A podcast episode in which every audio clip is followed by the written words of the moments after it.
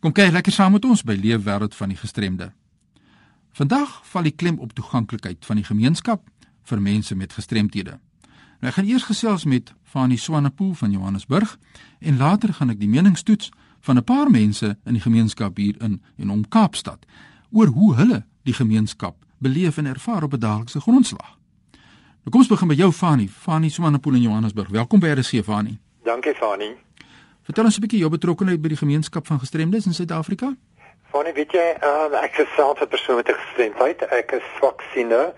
Ek het net 2% visie, so ek is basies blind. En ek is van 96 is ek al betrokke by die persone met gestremdhede.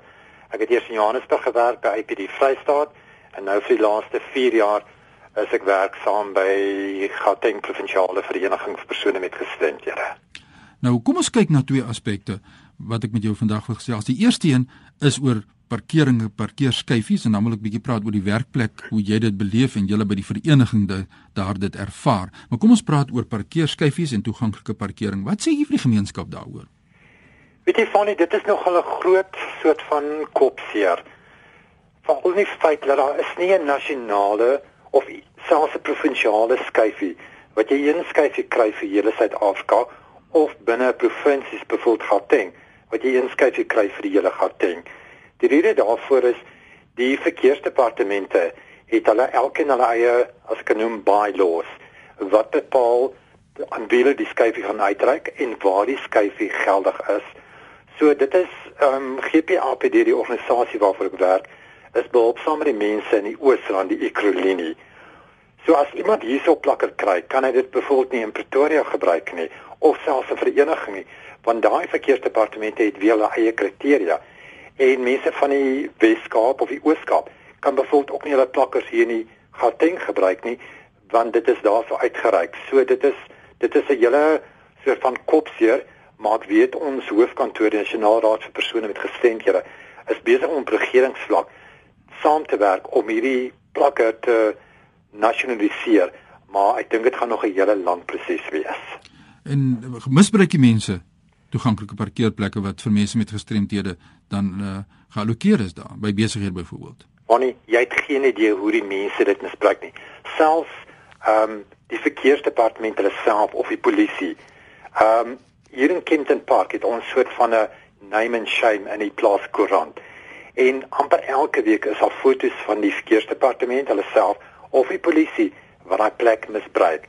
Ehm um, ek ervaar dit op 'n daaglikse basis en die mense raak baie ongeskik as ek vir hulle sê hulle mag nie daar parkeer nie want hulle is nie gestremd nie.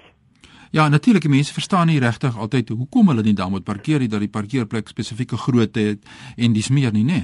Dis reg ja, maar daai parkering is 3.5 meter waar gewone parkering is 2.5. So daai parkering die die kriteria vir die uitreik van 'n skyfie is of die persoon wel 'n toegang hulpmiddel gebruik, so byvoorbeeld 'n rolstoel of 'n walker en so, nie om na parkering reg by die ingang is nie.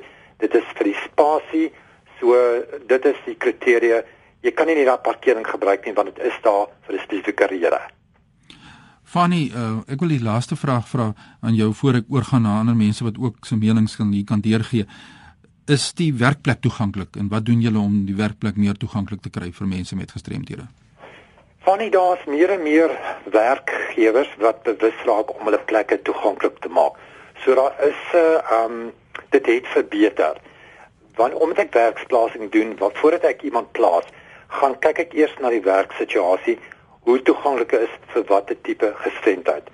Um ek doen soort van access audit, so ek gaan na die plekke, ek gee hulle raad hoe om plekke toeganklik maak. Dan spreek ek min goed wat hulle net kan doen om die plek te toeganklik maak. Ongelukkig dink die mense dat as hulle 'n ramp het, is die plek toeganklik. Daar is meer as toeganklikheid as net 'n ramp daarso. So ja, dit is 'n probleem, maar die mense, dit word al hoe beter. Ja, ons wil nou jou kontakbesonderhede deurgee aan die gemeenskap is daar iemand is wat by jou wil kers opsteek rondom spesifiek dan nou die parkering en raad wat hulle dan nodig het daar en dan inligting wil hê oor die sensitiseringsprogramme wat julle doen in die werkplek om mense meer bewus te maak van die uitdagings en die impak van gestremdheid en ook die potensiaal natuurlik van mense met gestremthede en wat hulle kan bied aan die oop mark. So gee vir ons jou kontakbesonderhede besonderhede deur daar by die vereniging vir persone met gestremthede in Groter Johannesburg. Waar kan mense in die hande kry? Okay, Fanny, my selfoon is 082 856 9859 of hulle kan my e-pos stuur by fani.gpapd by wademail.co.za of my faksnommer is 0866 940 574 en ons meer as welkom om te bel vir enige raad rond werksplasing, parkeerskyfie of toeganklikheid in die algemeen. Wanneer half ons daai telefoonnommer net weer? 082 856 9859 Dit was Fanie Swanepoel van die Vereniging vir persone met gestremthede daar in die Groter Johannesburg. Nou kom ons luister nou na die mening van 'n paar ander mense met gestremthede in die gemeenskap. Wat hulle mening is oor hierdie saak. Ek het die noordelike voorstede hier van Kaapstad besoek en ek het daar rondgeloop en ek het 'n paar mense gevra hoe hulle oor die toeganklikheid van die gemeenskap in hier in Kaapstad voel. Ek is nou hier by Hans Hoyschneider en hy is hier in Kaapstad. Uh, welkom hier by ons Hans. Vertel ons 'n bietjie waar woon jy? Ek woon in Robertson House in Milnerton. Wat is die rede vir jou gestremdheid? Ek het 31 jaar terug in die see ingeduik en my nek gebreek en ek is 'n C5 C6 kwadripleeg. Nou ons weet wat sê die mense in die gemeenskap oor toeganklikheid. Sê vir ons, hoe beleef jy toeganklikheid as 'n gestremde persoon hier in Milnerton omgewing? Wel, Milnerton is redelik toeganklik want hulle is ek moet sê baie gestremd bewus en ek het ook oor die jare intussen uitgevind waar ek kan gaan en nie kan gaan. So vir my is dit nie eintlik 'n probleem. Die mening van Hans Hoyschneider hier van Milnerton baie dankie Hans. Ek ken nou by Freddy van der Walt, hy is hier in Milnerton. Uh, Freddy, waar woon jy? In Robertson House. Wat is die oorsaak van jou gestremdheid? By ouderdom van 17 was ek deur 'n motorvoertuig omgery en ek het my nek gebreek. Nou is ek 'n kwadripleeg van die skouers af. Ja, ek sien jy maak gebruik hier van 'n motoriese rolstoel en ek wil graag jy weet wat is die uitdagings rakende toeganklikheid in die gemeenskap soos wat jy dit ervaar? Een van die groot uitdagings is die toeganklikheid van werksplekke. Ek het byvoorbeeld onlangs aansoek gedoen by 'n werksplek en die onderhoud gekry en kort daarna het ek weer ingelig dat die onderhoud gekanselleer is omdat die werk, mense besluit het hulle werksplek is nie rolstoel toeganklik en dis sal ek nie um daarso kan werk nie. Ja, dit is die uitdagings wat mense het in die gemeenskap rakende die toegang tot die werkplek vir mense met gestremthede en dit was die mening van Freddy van der Walt hier van Milnerton. Ek kyk nou hier by Gerald Meyer. Gerald, waar werk jy? Ek werk by Weskaap vir enige persone met gestremdhede in Weskaap. Ja, ek sit nou hier by sy werkplek. Gerald, uh, sê vir my, hoe het jy gestremd geraak? O, dit was net in 80 gewees, 'n landbouontploffing op die grense. En uh, ek wil graag by jou hoor, wat is die uitdagings wat jy het as 'n persoon in 'n rolstoel? Jy's 'n parapleeg, né? Nee? Kwadripleeg, ja. Jy's 'n kwadripleeg en jy het uitdagings in die gemeenskap wat jy elke dag moet aanpak. Wat is dit? Ja, vervoer is eintlik een van die heel grootes, nie. En wat is die probleme wat jy beleef by vervoer? Op publieke vervoer is daar eintlik geen vervoer nie en om by by die vervoer uit te kom is nog 'n groot probleem.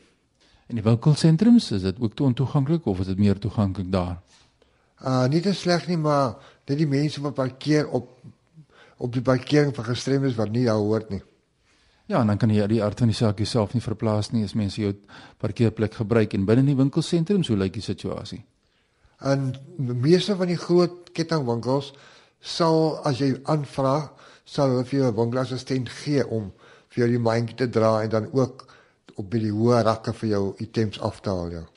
Dit is die mening van Gerald Meyer hier van Milnerton in Kaapstad. So kyk ons na die ontoeganklikheid of die toeganklikheid van die gemeenskap vir ons mense met gestremthede. Ek gesels nou met Emma Walters. Emma, uh jy's 'n persoon met 'n gestremdheid. Waar woon jy?